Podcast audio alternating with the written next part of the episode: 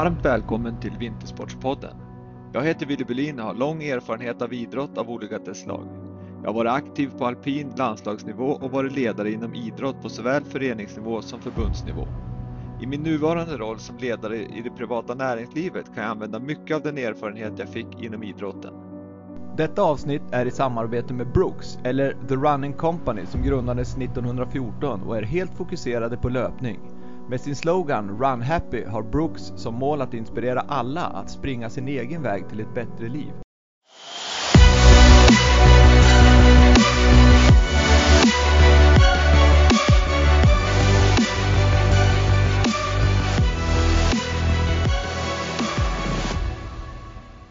Dagens gäster i Vintersportpodden är Peter Gide och Johanna Ojala. Varmt välkommen till Vintersportpodden. Tusen tack! Tackar, tackar! Det är jättekul att ha er med och det är faktiskt första gången som Vintersportpodden har två gäster samtidigt och, och det kan ju bli en utmaning för mig i alla fall då, att, att testa något nytt. Men det är kul att kliva utanför boxen. Eh, Vi ska sköta oss, jag lovar. ja, det är bra. Men äh, syftet och anledningen till att vi är två och det är ju att Peter och Johanna kommer vara programledare för Nent Groups nya vintersatsning som kommer ta över rättigheterna för längd, alpint och freestyle och snowboard kommande fem år. Inklusive VM för de här eh, disciplinerna. Mm. Så att eh, det är anledningen och vi kommer prata lite kort om Johanna och Peters bakgrunder men framförallt fokusera på vad, vad som komma skall i den nya satsningen från Nent. Det ska bli mycket intressant att få höra hur de jobbar, hur de tänker, hur de tänker nytt och så vidare. Så att eh, är ni redo? Då ska jag ställa en fråga som jag vet i alla fall du Peter brukar ställa ganska ofta. Hur känns det? Ja, om jag tar eh, pucken då och eh, säger vad kul det känns att få vara med i den här podden, om det var podden du syftade på. Annars, för övrigt den här dagen, så känns det ganska bra att, att vara vid liv. Vid och bred fråga, vitt och brett ja. svar. ja, det är bra svar. Ja. men jag har samma svar på, på frågan om att vara med här. Den känns viktig eh, den här timman vi har framför oss. Men kanske ännu viktigare är nästa vinter när vi eh, får lansera vår vintersatsning som jag tycker är ja, men kanske det mest spännande eh, tv-projektet eller streamingprojektet i, i Sverige kommande höst. Och det är otroligt häftigt att få vara med där. Och framförallt att åka vid sidan av eh, Johanna som ju har varit en del av, av min tv-apparat under många, många år när det handlar om vinter. Så det känns jäkligt skoj. Ja det förstår jag verkligen. Och, och det kan jag understryka att Johanna har ju funnits med från lördag morgon klockan 8 till 17 på söndag kväll och gjort det väldigt, väldigt bra. Så att, eh, men, men å andra sidan Johanna så måste det kännas bra att få de fina orden av en så rutinerad tv-profil som Peter Gide. Det, det stärker mig väldigt. Det är, ja, men, det är ju en ynnest att få det. Att eh, men alltså på ett sätt har gjort sin grej och uppenbarligen har det gått hem hos både rutinerade programledare men också hos, eh, hos svenska folket, hos skidpubliken som, eh, som har uppskattat det, det jag har levererat i, i, i Vinterstudion. Ja, verkligen. Verkligen. Det ska bli kul att höra vad ni har för tankar framåt. Men lite kort om Johanna Ojala innan vi drar igång. Det är ju en tjej som är född i Ånge hon gick på skidgymnasium i Sollefteå och hade vissa juniorlandslagsuppdrag under sin karriär som dessvärre kanske jag ska säga slutade i 21 års ålder ungefär. Eh, hon bor numera i Åre, närmare bestämt Undersåker. Hon har jobbat som tränare med bland annat eh, legendaren Thomas Alsgård i långloppssatsningen som de hade.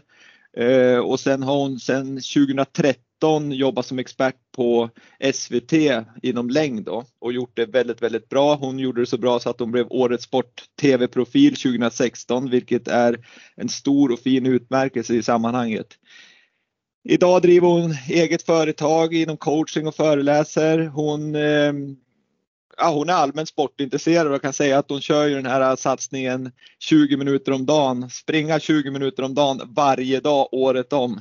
Och det kan man ju tycka känns sådär 20 minuter men man ska ut och hon gör det och hon har gjort det väldigt, väldigt, väldigt många dagar. Så att vi får höra mer om det. Men hon är utbildad på Gymnastik och idrottshögskolan. Och eh, det som jag tycker är lite kul med Johanna och hennes sportbakgrund det var att när hon var 21 år och slutade som skidåkerska då började hon som violinist först men sen övergick hon att vara basist i faktiskt ett stort och väldigt bra band som heter Grand Opening. Och ni, vad jag vet, hade turnéer runt om i Europa. Vilket är, då måste du vara riktigt, riktigt grym på vad du gör. Så det är en liten bakgrund och Johanna, har du någonting att tillägga kring det där och framförallt så skulle jag vilja höra lite mer om kanske det här med musiken. Hur, hur kom det in liksom från sidan när du har varit liksom ändå så sportig tjej? Ja men musiken har funnits med mig från alltså Ånge kommuns musikskola som är fantastisk.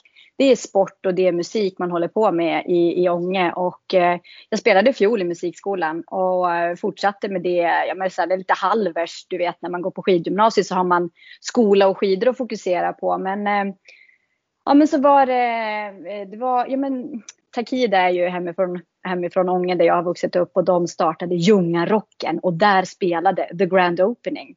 Och det var ju han skatepunkar hockeykillen Rogga som sjöng och spelade melankolisk vacker musik, liksom melankolisk rock. Gick jag fram och sa det, fan vad bra hörru. Och sen frågade han några månader senare, ja men du ska inte du spela fiol med oss? Vi behöver en violinist. Och då, ja, till syvende och sist så, så vågade jag säga ja till det i alla fall. Och så, så började jag spela fiol. Men sen då våran basist som vi hade då, Polle, spelade med Takida och Takida blev väldigt stora. Och då hade inte han tid att, att spela med oss. Så då sa, eh, då blev vi utan basist. Då hade jag bott i Australien ett tag och, och spelat eh, faktiskt bas där i ett band. Eh, och då sa jag att ja, men jag kanske kan prova. Och så gjorde jag det och så har jag lärt mig. Alltså jag har lärt mig att spela det låtarna behöver, det låtarna ska ha. Jag är ingen basist, jag är violinist. Violinist, det låter också som, jag är ingen Linda Lampenius. Jag kan spela fiol. Bas och fiol har samma sättning på, på strängarna. Okay. Så, men jag, musik för mig är viktigt. Det, det är rytm, det är, det är ett samspel att stå på scen och, och liksom leverera en, en låt, det är alltså bas och trummor. Sätter man grunden så kan man liksom komma på med sång och gitarr som ett fint skimmer. Johanna, vad finns det för möjlighet att du kan använda musiken som en del av dig i den, den nya vintersatsningen? Jag vet inte exakt vad du menar Peter, om du vill att jag ska ställa mig upp och spela någonting. Men det artistiska eller det liksom performance det har ju liksom med, eh, det har jag känt liksom i, i Vinterstudion också, att få, att få leverera eh, intressant eh, materia om, om längdskidor men också på ett, på ett underhållande eller på ett artistiskt sätt eller någonting som går fram i rutan. Mm. Det, det hänger ju ihop på ett eller annat sätt och det liksom det, det närde den, den sidan av mig att få, att få göra det. Så det kommer det ju fortsätta göra nu också. Då gör jag en notering här om att i studiodekoren så ska det ingå en styck bas och en styck fiol. Ja just det. Oh, herregud. Ja det är bra. Där kan vi få en överraskning och kanske det, det är du som står för introt Johanna i, i i, i den nya satsningen. Men, men en, tror, en fråga jag, jag tror så här att vi ska snarare ha en setting av trummor, bas, gitarr och allt folk som är i, i liksom med oss i vårat lag. Någon kan någonting. Eh, vi har ju faktiskt en expert som vi har presenterat som heter Johan Olsson. Han kan ju spela gitarr. Mm. Ja. Och, och Frida kan säkert spela triangel eller någonting. Jag tror hon kan spela trummor ja. Kanske. Ja. Men du, en, en, en fråga där bara innan vi går vidare till Peter. Eh, det är att du, du slutade som 21-åring, du var duktig inom längdåkning. Och, och, jag vet ju som idrottare så, så det är ju speciellt, liksom, man, har, man har en ganska liksom, speciell eh, ett speciellt liv där man, där man är uppbackad, man, man är synlig, man är någon i, liksom man är skidåkerskan Johanna Ojala och liksom man, man lever det livet. när, när, du slutade där, det var inte liksom någon, någon form av eh, kris du fick och kände att fan jag måste göra något annat som gör att jag blir någon eller att jag syns eller att jag står på scen liksom. Det hade liksom, var det, det skulle det kunna vara någon grej? Jag brukar säga så här att musiken räddade mig från idrotten. Jag vet att det finns t-shirtar där det står tvärtom, att idrotten räddar mig från musiken. Därför tycker jag att det är kul att leka med det. Men, men det var lite så som du säger, alltså att leva det här idrottslivet, att vara längdskidåkaren Johanna Ojala, det var min identitet. Det var så jag växte upp och det var så jag, jag var. Och det, det var en identitetskris så som det är för många som slutar med sin elitidrott, det man har levt med så länge. Att vem blir jag nu? Och jag hade väl liksom ingen tanke på att jag måste hitta något annat. Utan det föll sig lite så naturligt. Det, jag, fick den, jag fick den frågan. Det här kommer jag upprepa några gånger idag. För det så har det varit. Jag har fått den frågan och så vågade jag säga ja och, och eh, kom in då istället på, på musiken. Och det var skönt att liksom kunna på ett sätt få något nytt att fokusera på. Det här var ju samtidigt som jag började plugga också i, på, till tränare på GH i, i Stockholm. Så att det var ju, jag hade ju som mina fokusområden att, eh, att vara delaktig i, om man säger. Ja, nej men det är ju det, det, det, är ju ofta så, är, du, är man duktig på något då brukar det mesta falla på plats liksom som det är. Jag känner ju inte dig Johanna så väl utan vi är ju liksom i en ny fas i vårt eh, samarbete men det jag kan se efter att ha träffat många människor i, i arbetslivet det är att det finns en, en vinnare i dig. Du tycker om att lyckas med saker och du är, eh, gör dina 20 minuter löpning om dagen och när du har bestämt dig för någonting då vill du fixa det också. Det är min lilla sån här analys av dig och nu ser jag att du nickar här också så att jag tror kanske att jag är något på spåren. Absolut och det, det där är en eh, det, den där är den här är väldigt intressant. Eh, jag brukar kalla mig själv att jag eh, liksom lider av duktig flicka-syndromet. Vilket både är positivt i viss bemärkelse för att det gör att jag vill, jag vill göra mitt bästa.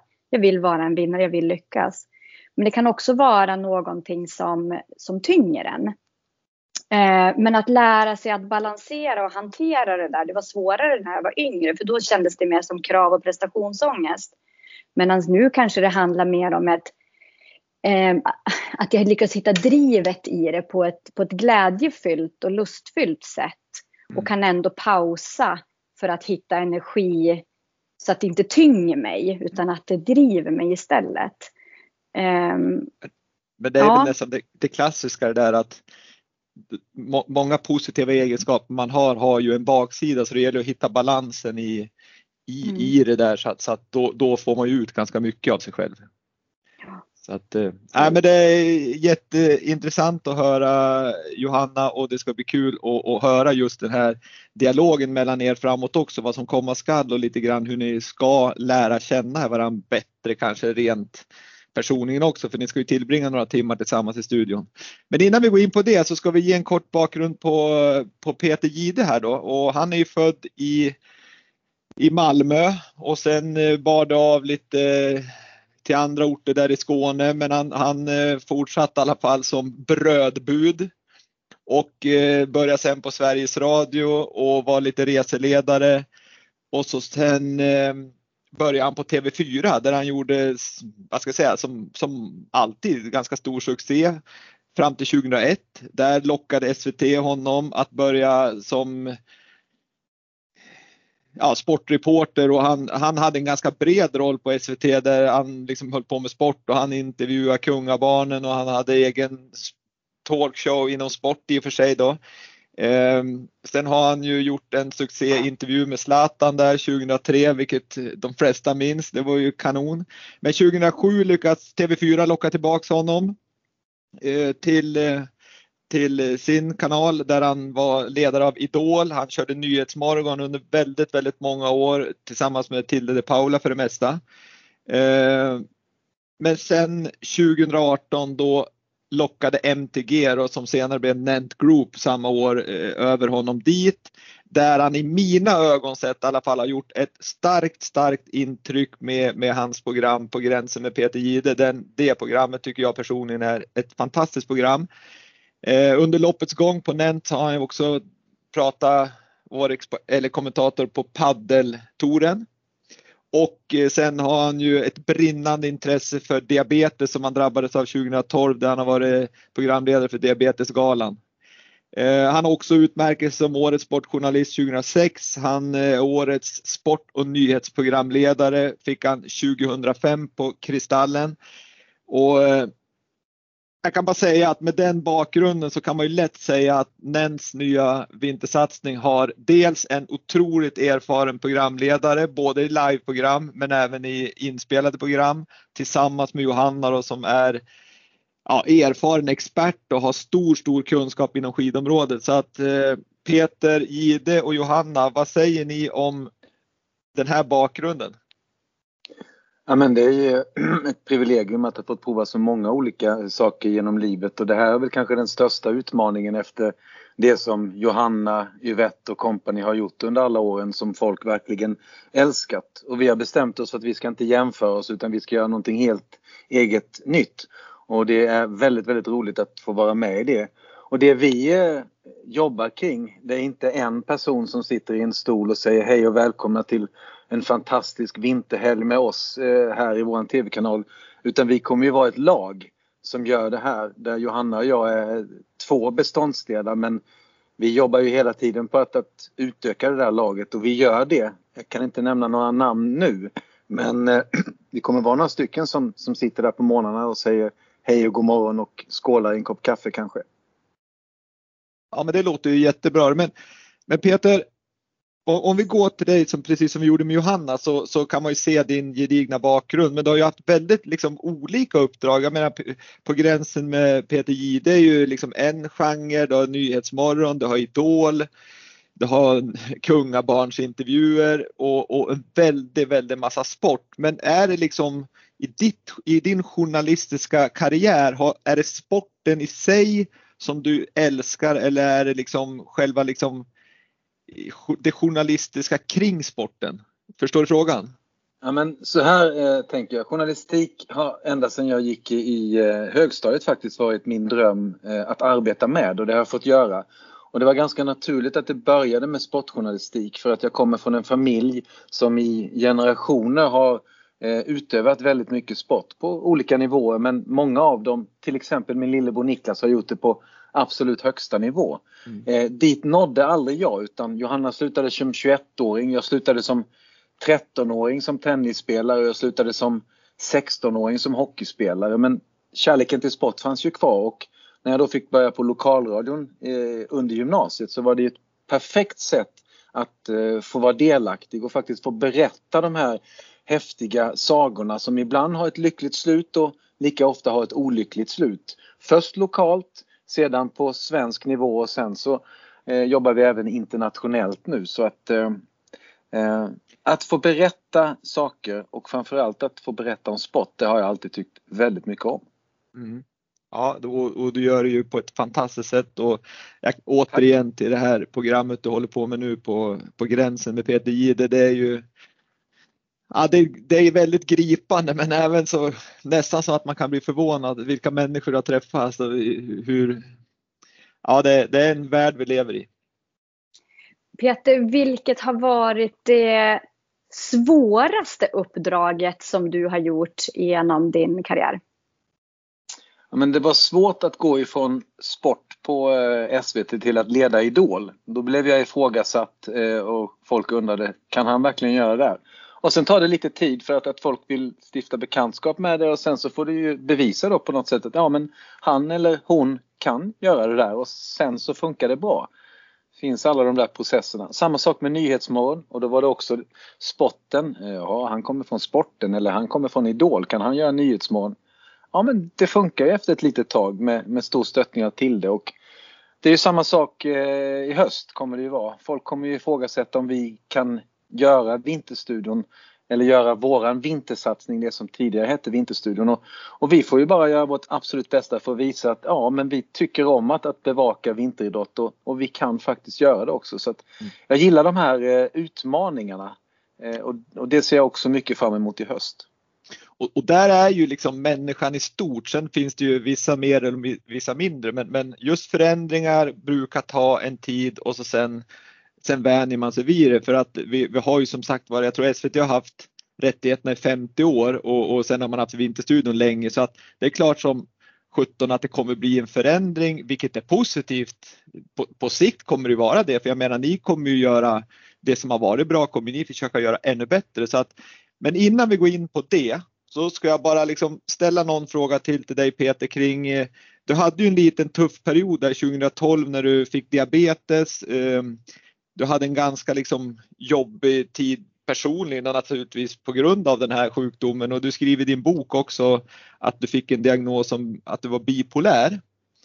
Och jag tänker liksom ett journalistyrke är ju väldigt krävande i, det är ju inte så liksom rutiner utan det är ganska långa dagar och så vidare. Hur, hur påverkar dig liksom ditt arbete och dig personligen, de här liksom, både diabetesen och, och den andra diagnosen att du är bipolär, hur, hur, hur är det jobbigt för i, i yrket?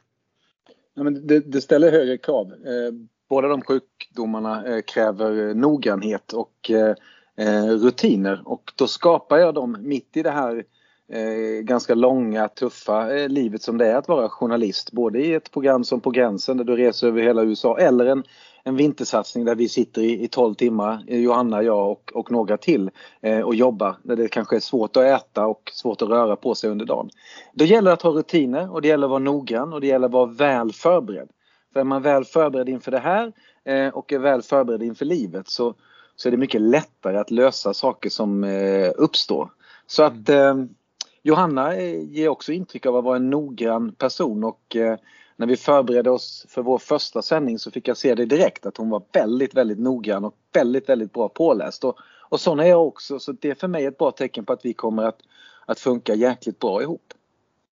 Ja men vad kul, då, då tycker jag vi, vi lämnar er som personer sådär liksom på det planet och så går vi in på just den nya satsningen och, och, hur ni kommer lägga upp det och så vidare. Så att jag tycker vi egentligen kan börja där vi redan har varit och touchat att ni känner till varandra, ni har träffat varandra.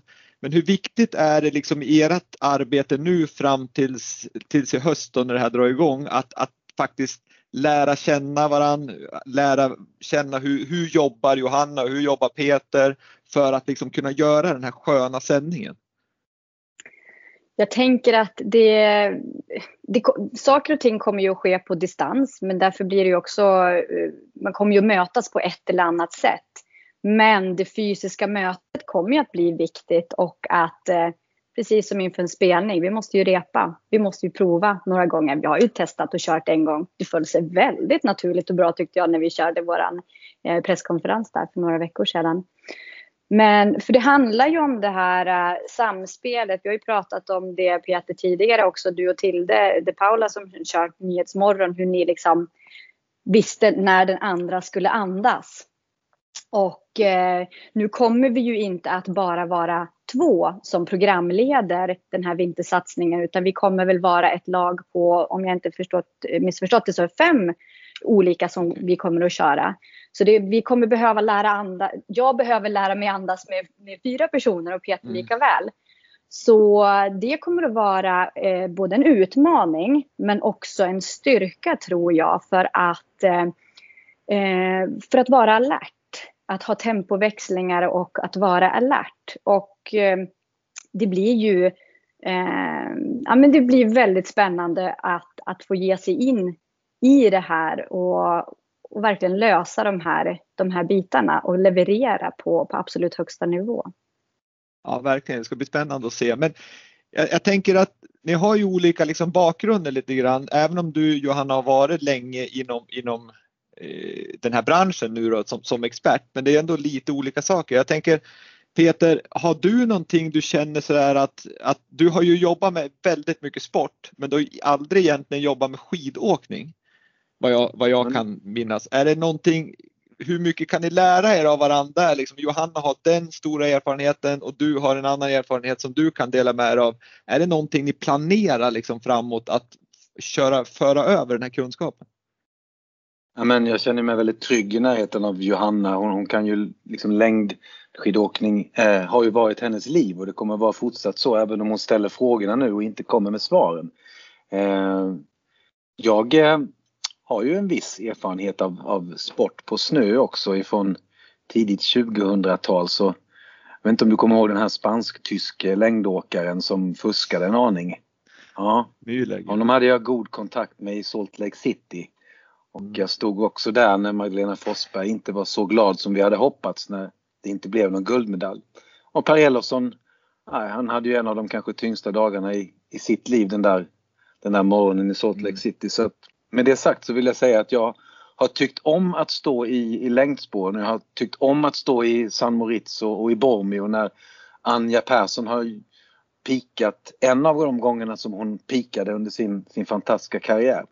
Då var jag där och fick uppleva detta och det är ju sådana minnen som jag tar med mig för resten av livet och hoppas få nya sådana i och med den här eh, nya uppgiften. Så jag känner mig grön i jämförelse med Johanna men jag känner mig trygg eh, i min relation till de här olika sporterna.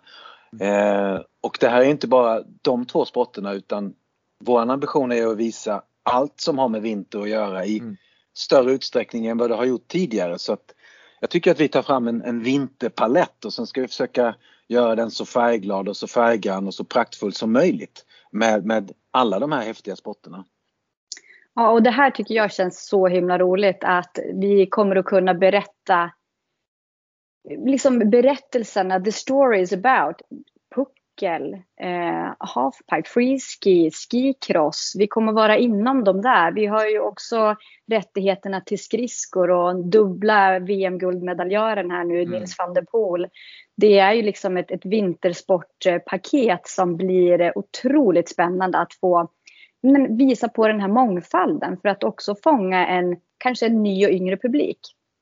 Ville, har du barn? Ja, ja, absolut. Tre stycken. Ja, vilken ålder är det på dem? De är 6, 11 och 13. Om du la fram ett, ett vitt ark, ett vitt vinterark med, med de sporterna som vi nu har rättigheter till och så skulle dina barn titta på de här sporterna och så, så skulle du prata med dem. Du, vilken av de här sporterna verkar häftigast eller roligast att göra? Eh, för vi vet ju alla vilka som är den tyngsta sporten nu och vilken som kanske är den näst tyngsta och så vidare och så vidare. Men de unga människorna som växer upp i vårt land och ska lära sig älska vintersport. Frågan är om de skulle ha samma prioriteringsordning som kanske jag som 50-årig i gubbe eller någon annan. Vad tror du? Nej, det är, det är helt rätt ute och, och tittar jag på mina barn, eh, i alla fall de två äldsta då, 11-åringen och 13-åringen så ägna dem stor tid på Youtube kan jag säga och titta på hopp och skutt och bakåtvolter och eh, Henrik Hallå och allt vad de nu heter. Så, så eh, jag tror det är helt rätt som du säger men de har ju inte fått samma space i om man säger i tv-rutan men däremot så är ju de sporterna väldigt, väldigt stor. De är duktiga ska jag säga på det här liksom Youtube och de, de tar hand om sig själv. Jag tar Jon Olsson som ett exempel så är han extremt duktig på att bygga sitt varumärke, ta ansvar för sin leverans så att säga. Så att där måste man ju som säga att de är väldigt duktiga. Så att eh, det, det, ska bli intressant att se. Ni kanske har en annan vinkling på, på just den, eh, de sporterna också när ni gör er nya satsning. Men de är ju väldigt självgående som berättare de här personerna som du nämner nu och i princip alla de som inte är längdåkare eller alpina eh, åkare. De har ju också blivit bättre att berätta sina egna historier men vi har ju hjälpt dem så länge. Så vi kanske kan använda de här eh, fantastiska eh, skicrossmänniskorna eller snowboardmänniskorna Eh, och eh, låta dem vara sina egna producenter och sen så tar de plats i, i vårat eh, vinterprogram och så så gör vi en, eh, en gemensam satsning där. Ja, alltså jag, jag, tror det är ju det jag tycker om liksom och det är det jag på något vis hoppas också att man ska göra den utvecklingen att, att man att man ser något nytt. Hur funkar det nu? Jag menar titta en tioåring, de gör ju skitbra filmer med sin mobiltelefon liksom. Det är ju fascinerande. Som man tidigare behövde ha 25 kameror som var större än ett hus för att, att göra, det gör de själv nu med sin mobil liksom. Så ja. att eh, nej, det ska bli intressant att se. Men, men ja, Johanna, har du? Ja, jag, jag tänker på ja, men så här, kreativitet, mod, engagemang och passion. Om det finns från båda lägren, från, eh, från tv-kanalen som ska berätta men också de redan duktiga berättarna. Kan det slås ihop och göras attraktivt och eh, ja, men då tror jag att man kan fånga både gammal och ung, både mamman och pappan som sitter med 13-åringen och tittar på det här och eh, liksom ser att hmm, det här kan man också göra. Så ja, det ska bli, eh, det ska bli intressant. Och på någon, något sätt, då, det, nu kan ju ni svara på det här, men hur är Nent Group där just att bemöta och våga prova nya saker? För det tror jag är jätteviktigt att man, att man släpper det här gamla liksom och, och vågar verkligen testa kanske en sån här grej eller på något annat vis. Men vi ska ju försöka göra vårt helt egna eh, vinterprogram, vår helt egna vintersatsning. Och vi eh, har ju just nu det här vita arket som jag pratar om. Eh, där vi kommer att fylla det med, med saker som vi tror och tycker folk kommer att, att både gilla och ogilla för att du måste ju provocera lite också. Eh, så vi har väldigt höga ambitioner och, och vårt stora mål är att göra den bästa vintersändning man kan göra. Och det har det alltid varit från Nents håll när de tog över hockey-VM, när de tog hand om Champions League, när de utvecklade Premier League, eh, de som gjorde det. Och så måste vi också tänka och det är därför vi tar in en sån som eh, Johanna Ojala och sätter på henne tröja nummer 10 och låter henne blomma hos oss. Jag tror att ja, det, kommer bli toppen. Ja, väldigt kul alltså. Men, men om, vi, om vi ska konkret säga vad, vad, vi som sitter här nu då på lördagar och söndagar och ska slå på tvn och, och ha en myshelg med brasa och så vidare och, och lyssna på er och era kollegor och, och se de här härliga tävlingarna. Va, vad kan vi förvänta oss av det här? Jag förstår att ni har ett vitt ark men, men, och vi har pratat lite men kan ni liksom konkret säga lite grann hur, hur, vad som komma skall? Det ska bli väldigt intressant att få se för att vi har inte, eller jag är inte inne i processen så mycket. Vi är mycket i processen nu att liksom titta på hur olika saker ska se ut, hur vi formerar oss själva och så vidare. Och det här är ju någonting som, som byggs nu. Och, och jag är väldigt glad att jag får vara med i den processen ända från start, att liksom skapa innehåll, skapa content och få vara ja, men, sätta lite idéer och, och också lyfta in experterna i ett tidigt skede. Att de ska få känna att eh, här har de mandat. Här har de ägarskap att få liksom, komma med sina idéer. Och jag ser väldigt mycket fram emot att få skapa det här innehållet på ett kreativt och information, informativt, mycket kunskap. Alltså, tänk att du får pick Johan Olssons brain on all the information. Det, det ska bli kul. Ja, det är intressant.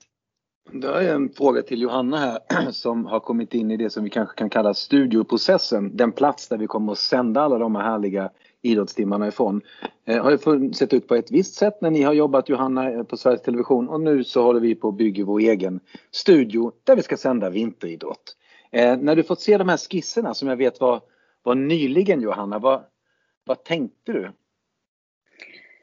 Jag tänker att den här delen med eh, eh, men där vi kan liksom grafiskt visa lite mer, lite mer visuellt.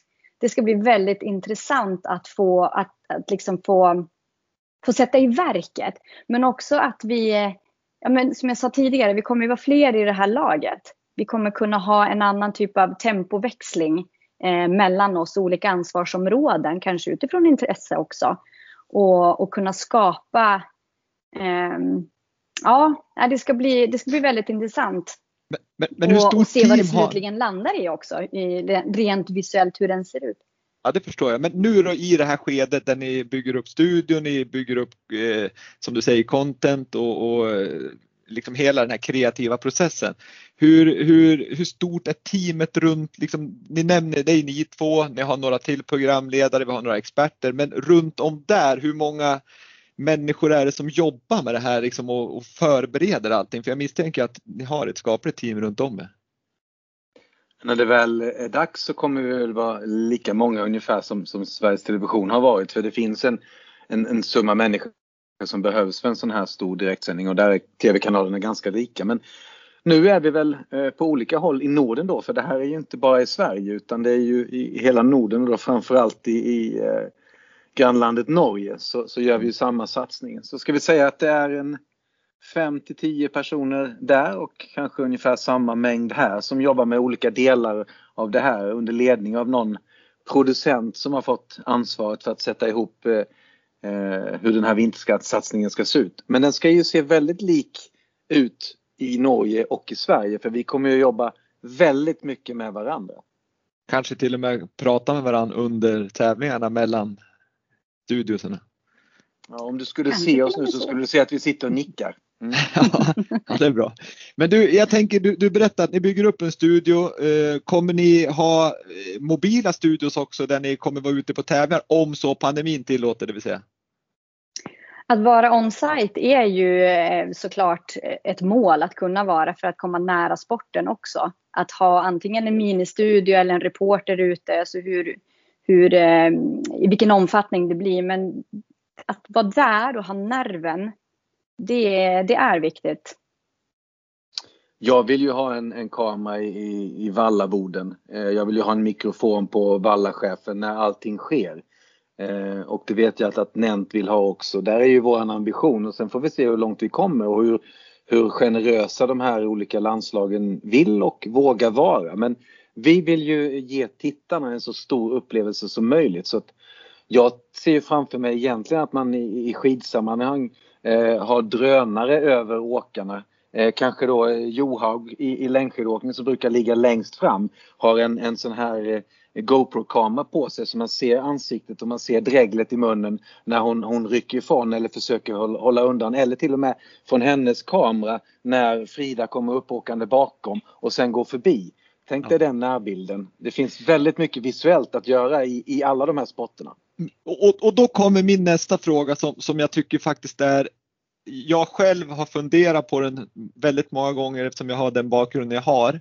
Men, men utifrån ert perspektiv då som, som eh, medierepresentanter då får man väl säga och har den här otroligt fina rättigheten som, som faktiskt här innebär. Hur skulle ni liksom vilja se en utveckling av, av vinteridrotten? Vi, vi kanske får titta på generellt sett när om det egentligen struntar i, om, om vi pratar om längd till exempel. Då, då, i, mitt, I min värld, vad, vad kan man göra för att liksom få det ännu mer intressant att de i soffan verkligen känner att fy fasiken vad kul för att lite som jag känner nu så är det norska mästerskapen på helgerna eller ibland svenska och norska mästerskapen. Och jag tror ju på att fler länder är med så blir det intressantare även om man är svensk och det blir intressantare globalt.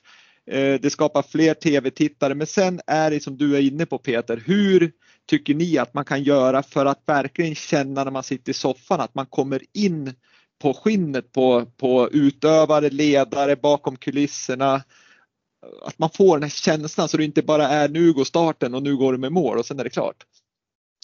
Ja, jag kan, eh, det blir som tre delar. Det du säger där, in på skinnet, är en del. Tävlingsformatet är en, en annan del och en tredje del är ju representation. Mm. om vi tar representation så eh, jobbar ju IBU, Internationella skidskytteförbundet, på ett väldigt bra vis där de jobbar med kunskapsspridning, Eh, de sprider även pengar höll jag på att säga. Alltså de, de hjälper till i de här mindre länderna och nationerna med utrustning, med vapen och med, med skidor. Så att fler ska kunna hålla på med skidskytte. Och det gör att väldigt små länder har åkare som står på startlinjen i skidskytte. Eh, man sprider även kunskap till tränare och, och utövare. Mm. Och där är ju på ett sätt att, eh, att liksom Norge är bra på det längd. De är faktiskt väldigt villiga. De är där och sprider sin kunskap och jobbar mycket för att eh, är man stor måste man vara snäll. Och då är de där och är ganska öppna med det. Sen gäller det att det kanske från ännu högre håll ses eh, och eh, uppmuntras att, att, att göra de här satsningarna. För det behövs verkligen. Ehm, och eh, formatet, där är ju många också av åkarna inne på att varför inte göra kanske fler tävlingar på en och samma ort. Flytta tävlingarna till orter som faktiskt har folk, publik som vill komma ut och titta på de här. Flytta tävlingarna in i städerna, gör det här spektakulärt så att det blir fartfyllt. Eh, en väldigt fartfylld sprint sker ju i Drammen. Det är ju liksom på torget där du har hus, lägenhetshusen som står och ramar in. Alla sitter på sina balkonger och ser ner på tävlingen. Väldigt, väldigt häftigt.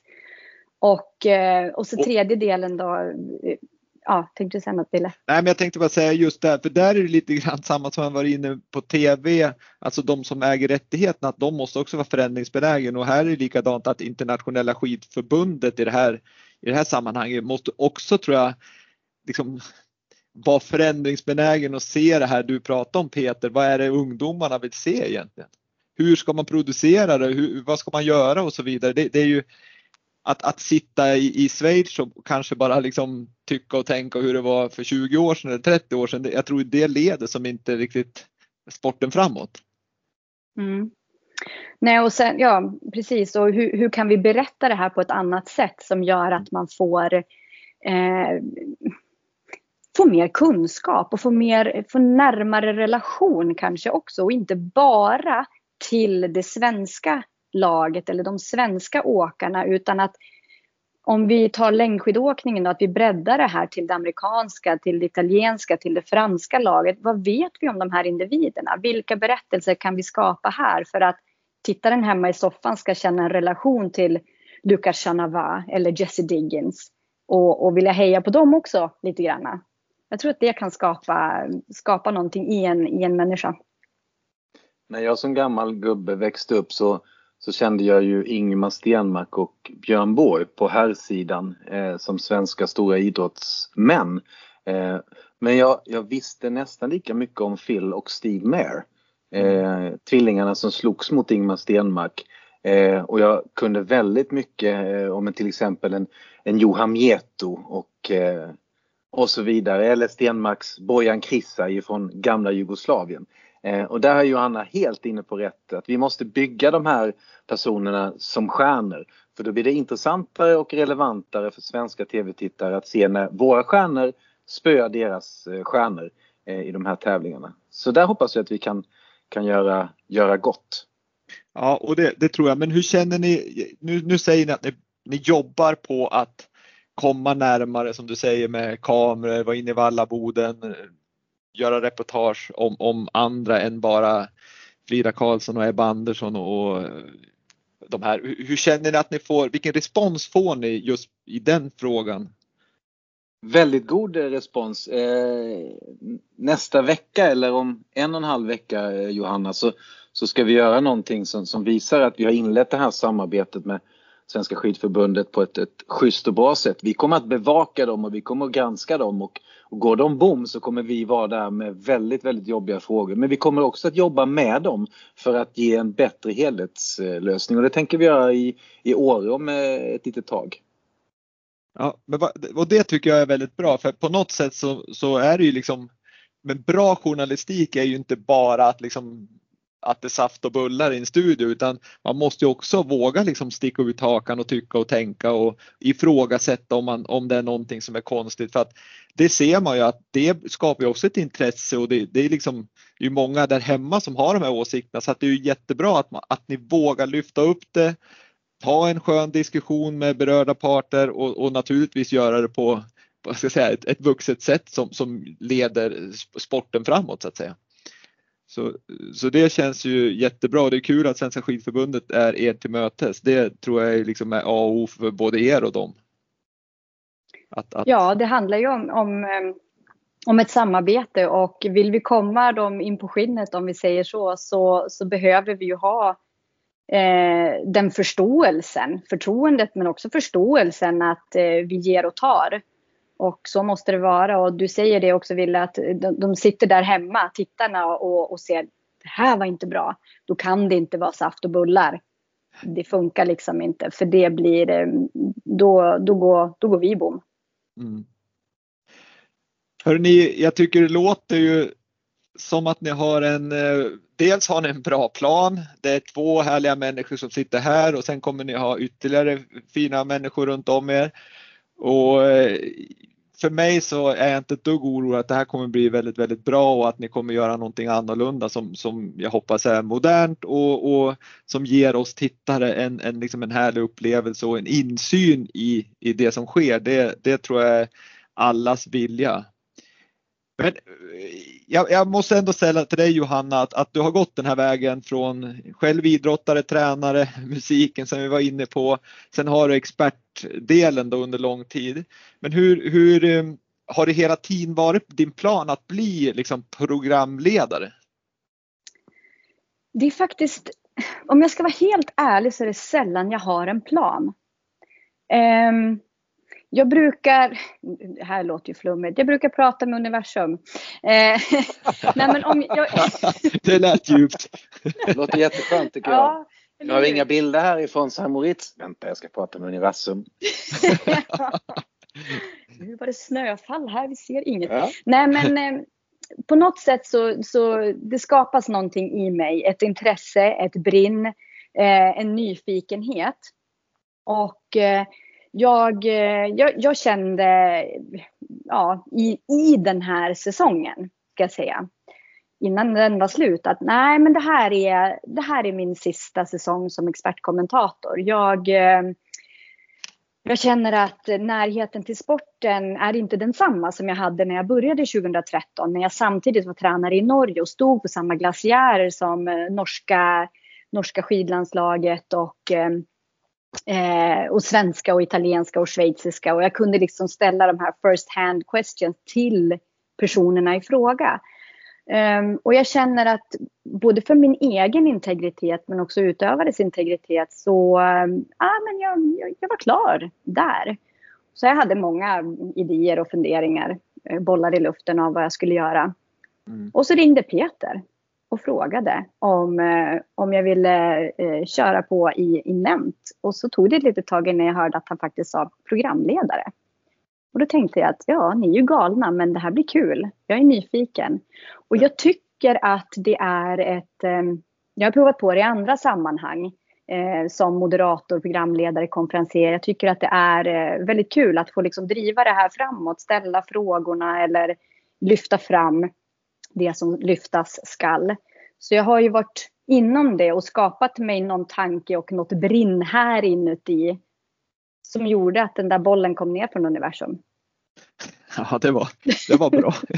Men du, liksom, jag förstår liksom, exakt vad du säger att, att du har varit, känt på det.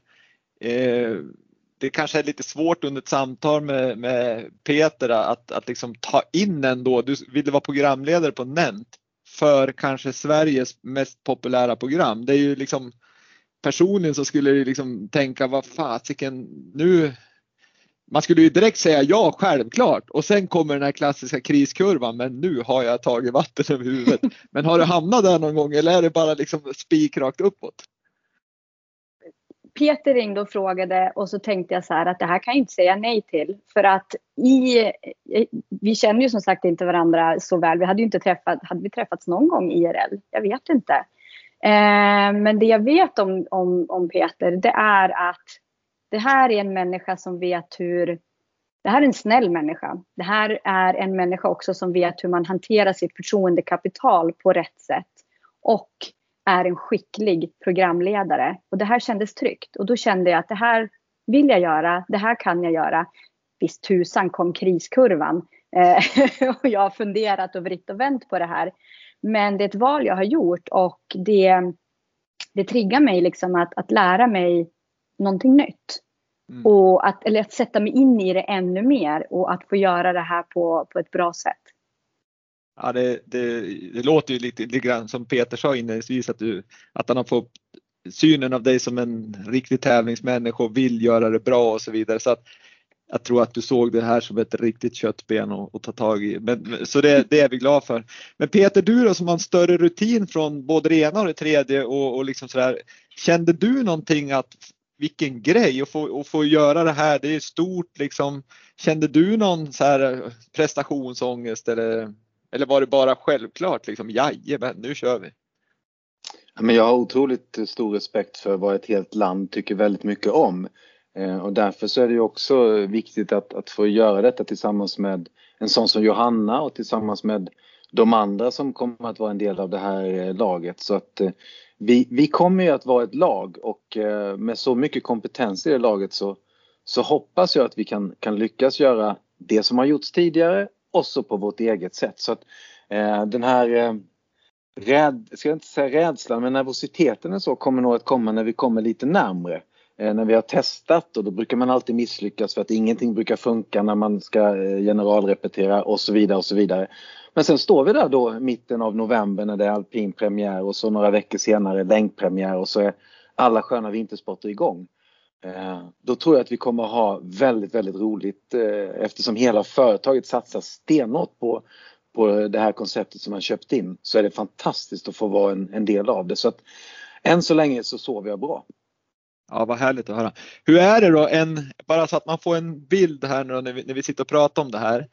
Eh, hur, hur en dag i den här studion då, hur är en sån dag? Är det liksom, är ni svinnervösa? Om vi bortser från att det är första gången, att vi säger att det är femte helgen då. Är ni svinnervös varje gång? Finns det sköna liksom bullar och varm choklad i den där studion eller är det bara tokhets hela dagarna? Och vad gör ni däremellan när det är tävling? Liksom, får ni gå och ta en kaffepaus då och, och ta det lugnt eller förbereder ni inför nästa klipp? Jag kan ju bara prata utifrån det jag har varit med om hittills. Och eh, som programledare så kommer ju rollen att vara att hela tiden bygga programmet däremellan. Visst, det finns köris, det finns vissa punkter, det här vill vi ha med in. Här har vi så här mycket tid. Men det handlar ju också om att, att behandla och ta hand om det som sker i loppet precis nu men också tänka framåt hela tiden. Så att det är ju, man hinner med kaffe, man hinner äta, man hinner springa iväg på toa. Men det är också intensivt för en programledare. En, en expert har ju mer luft som, eh, som, kan, som har ett, en idrott att fokusera på. Mm. Men i mitt arbete som, som expert så har ju jag under de här luckorna när det har varit alpint eller skidskytte, då har ju jag skannat media från eh, Norge. Vad skriver de om damernas tävling som precis avslutades och, och så vidare för att ta med liksom den senaste kunskapen in. Så, eh, ja, så det, är liksom, det är lite olika vilken, vilken roll man har. Eh, men nervositeten, den kommer definitivt att finnas där när vi står första dagen. För det, eh, ja, den, den kommer vara både kul och, eh, och, och jobbig tror jag. Men framförallt, det vet ju ni, när, när man startar loppet, då rullar det ju på. Då mm. slipper man vara nervös. Vad säger du då Peter, hur, hur är dina dagar som är rutinerad? Programmet liknar ju ett sånt program som Nyhetsmorgon som också spann över, över lång tid. Vi sände fyra timmar där eh, varje morgon. Och då var det ju olika ämnen. Det var eh, politik och sen så var det att man skulle odla några små frön som sen skulle bli tomater. Så det var ju väldigt eh, varierat där. Här är det ju ändå bara sport. Bara sport, bara massor utav sport. Mm. Eh, men du måste hela tiden vara observant för du måste ha koll på vad som hände i den där kurvan i längdtävlingen eller så måste du ha koll på vad som hände i, i eh, hoppet i snowboard eller var, varför gick eh, Sandra Näslund bom där i, i ja, vad gjorde hon för fel? Eh, det måste du ju kunna ställa rätt frågor till, både till henne kanske eh, live på en länk eller till våra experter. Så att det blir ju många timmar fulla av koncentration och då gäller det att ha rätt anspänning vid rätt tillfälle och det, det lär man sig eh, över tid. Mm. Och sen är det mycket bättre att vara två stycken för då kan man dela upp det också. Att du tar det och jag tar det och så gör vi det här tillsammans. Eh, ja, delad glädje, dubbel glädje. Jajamän. Men för dig då Johanna, kommer det vara lätt att hålla sig från de här sköna expertanalyserna som nu kanske Johan Olsson då ska hålla sig till. Det kanske kommer vara jag vet ju, kan man någonting bra och, och sådär så är det ju lätt att man ger sig in där. Hur, hur, känner du för det? Ja precis, utmaningen blir ju att ställa frågan till experten så att jag inte väver in alldeles för mycket eget tyck och tänk i det. Och, men det, det kommer jag också få, få öva på. Eh, jag har fått lite tips från Peter redan. Ja men det bästa är ju egentligen att bara säga så här, Johan vad, vad är din bild av loppet? Mm. Och då så säger Johan att, att jag tänker att det här var det som var, var mest utslagsgivande. Jaha, varför tänker du så? säger Johanna då. Ja men därför att, därför att, Johan, okej, ja. Och, och vad skulle ha hänt om lalala gjorde lalala istället, tror du? Ja men då, där kan Johanna komma in med att hon skulle kunna tänka en tanke kring, kring någonting som kunde skett i ett längdlopp som jag inte skulle kunna göra för att jag hade inte vetat att så kanske man skulle kunna ha gjort. Eh, så i fråga 3, 4, 5 då kan de få in sin kunskap också. Exakt. Och då får ni förmodligen ut, ni får förmodligen ut mer av experterna också då att, att ni kan ställa fråga 3, 4 väldigt, väldigt liksom krispigt. Um, så nej, men det, det, jag tror på, på er kombination till 100 procent. Och det här skulle bli så himla kul också att få göra det, inte bara på längd, utan det, vi, handlar, vi pratar alpint, där jag sitter med jättemånga frågor och vill veta saker. Och sen ska vi in i puckel och så ska vi in i skikross. Och eh, ja, det ska bli eh, väldigt kul. Ja, det är otroligt spännande och ni har ett roligt jobb, det ska ni veta. Ni har ett jätteroligt ja, jobb. Hur mycket och... skulle du pröjsa för att, att uh, ta över jobbet eller vara en del av det här gänget Wille? Ja, jag skulle nog kunna pröjsa en hel del för att få vara, vara en del av ert gäng. Det, det kan du hälsa till Per Nunstedt som är, som är sportchef på, på uh, Nent Group att han har en som kan betala för att vara med. det, är bra. Det, är bra, det är bra att veta om, om vi behöver lite flis där framåt uh, mars någon gång så då, då hör vi av oss. Ja, det, det låter som att du, och jag vet ju med din historik att, att du tycker väldigt mycket om vinter, vintersport och framförallt vissa av dem. Eh, så att jag, jag förstår dig, det här är ju ett drömjobb om man gillar vintersport. Det är det ju faktiskt, det är det absolut bästa jobbet. Ja, verkligen, verkligen. Hörrni, innan vi slutar så vill jag bara ta en sist, ett sista ämne som jag tycker är väldigt, väldigt eh, ja, det är ju, det är ju mycket på tapeten i samhället nu i, i, i, i stort eh, och det tänker jag liksom på kring den här hetsen, eh, kroppsideal, det är sociala medier, det är liksom ungarna sitter och det är Snapchat och det är Instagram och det är allt möjligt som bara flyger och far. Och, och de här våra idrottsstjärnor då som är, som är en del av det vi pratar om här, de, de är ju också väldigt, väldigt duktiga på på att använda sociala medier och det är ju superbra naturligtvis. Men, men många gånger så kommer det ut bilder som, som kanske inte är i, i mångas liksom i, i vanliga samhället så är det ju inte vanliga bilder på vanliga människokroppar utan det är ju extrema kroppar liksom. Och hur tycker ni liksom utifrån ett med, medialt perspektiv att vilket ansvar har ni liksom att ändå få ner hetsen mot våra barn och ungdomar? För, för det, förstår ni frågan? Um, jag, jag, jag, vet inte om jag förstår frågan, men jag har en tanke i alla fall. Ja, då, då, då kör vi ja. tanken. Då. Nej, men jag tänker väldigt mycket så här, ord spelar roll.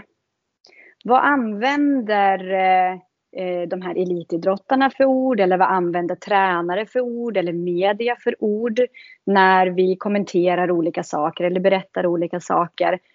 Och vad finns det för kunskap som följer efter? Vad finns det för bakgrund i, i det här om, om man använder Um, om man använder ett speciellt, ett, ett visst ord i en, i en kommentar. Vad vet 13-åringen eller vad vet 13-åringens föräldrar? Hur kan man resonera och prata om de här sakerna? Någon är lätt, lätt, lätt, lätt upp för den här backen. Okej, okay. uh -huh. vad betyder det här? Det här är en vuxen människa, det här är en elitidrottare, den har OS och VM som, sin främsta, eh, som sitt främsta mål. Den har en stöttapparat runt omkring med expertis som jobbar med de här sakerna. Kroppen är verktyget. Men hur mycket av det här berättas? Hur mycket kunskap kommer fram vad som är vad? Och när ska man göra vad i vilken ålder? Om man nu håller på med idrott. Och det tycker jag är eh, jag är kunskapsdriven och jag vill eh, helst sprida det till, till de yngre som sitter och tittar eller ser att på något sätt nå fram med kontexten och i förhållande till vart man är i ålder och om man håller på med idrott. Mm. Ja, det är, det är ju helt rätt. Och sen kan ju som sagt var inte ni riktigt, men det är ju, om ni tar ert ansvar så får alla andra ta sitt ansvar för att det ska bli, tycker jag, ett kanske skönare samhälle där fler mår bra. Jag förutsätter att, att organisationen, om vi tittar på de svenska landslagen, är så pass god att det finns en kontrollverksamhet där man har en, en stämpel eh, stämplad på, på kroppen eller på utrustningen som är godkänd. Eh, du får och kan tävla. Eh, mm. och då kommer jag inte att uttrycka mig om, om, eh, om någon eller några kroppar utan jag kommer att, att jobba på ett, ett annat sätt. Stopp min kropp heter det ju och det tycker jag att man ska jobba med på många sätt. Mm. Vilka kloka ord Peter och Johanna. Jättekul att höra verkligen. Super. Eh, sista frågan som jag ställer till alla gäster. Normalt sett så är det ju en gäst men nu, då får vi svara kort båda två. Då. Så vi börjar med Johanna. Den frågan är så här. Nämn en framgångsfaktor för att lyckas med idrott. Nyfikenhet. Kort och bra. Peter? Motivation. Härligt. Nyfikenhet, motivation. Där har vi orden. Jättebra och jättestort tack Peter och Johanna. Om man nu vill följa eran resa på väg mot eran nya satsning på Nent Group. Har eh, Nent Group något eh, Instagramkonto eh, eller någonting? Ojala coachning. Nej, jag har ju bytt namn nu på, på min... Eh, på, ja visst, jag heter Johanna Ojala understreck. Mm. Johanna Ojala understreck på Instagram. Det är mitt Instagram-namn nu för tiden. Mm. Och, och, där kan man följa både dig och man kan även följa liksom vägen mot den nya satsningen. Mest bra. kan man egentligen följa hur, hur jag springer och åker skidor i min ski and run streak. ja. ja, men det är inte dåligt. Peter då, har du någon eh, jag finns på Gides Diabetes och viktiga bilder som rör vårt projekt när jag får och kan visa upp dem. Till exempel vår, vår nya studio som eh, vi håller på med just nu med många spännande möten eh, och snart ska vi ta fram hammaren och, och spiken. Eh, så kommer de att synas där också. Eh, det är väl vad jag kan rekommendera. Ja men det är jättekul och framförallt så vill jag och Vintersportpodden och alla lyssnare skulle jag tro tacka er två för att ni har varit med och framförallt önska er ett stort, stort lycka till med den nya vintersatsningen på Nent Group. Tusen tack Tusen tack. Ha det Johanna, bra. är du med på ett uh, fyrfaldigt lever för Ville? Han lever, hipp hipp! Hurra, hurra, hurra, hurra! hurra. Fyller år idag. Tackar och bockar. Kul! Ha det bra! Han har gjort ytterligare en podd. Hej då! Jaha, det är så. Hej!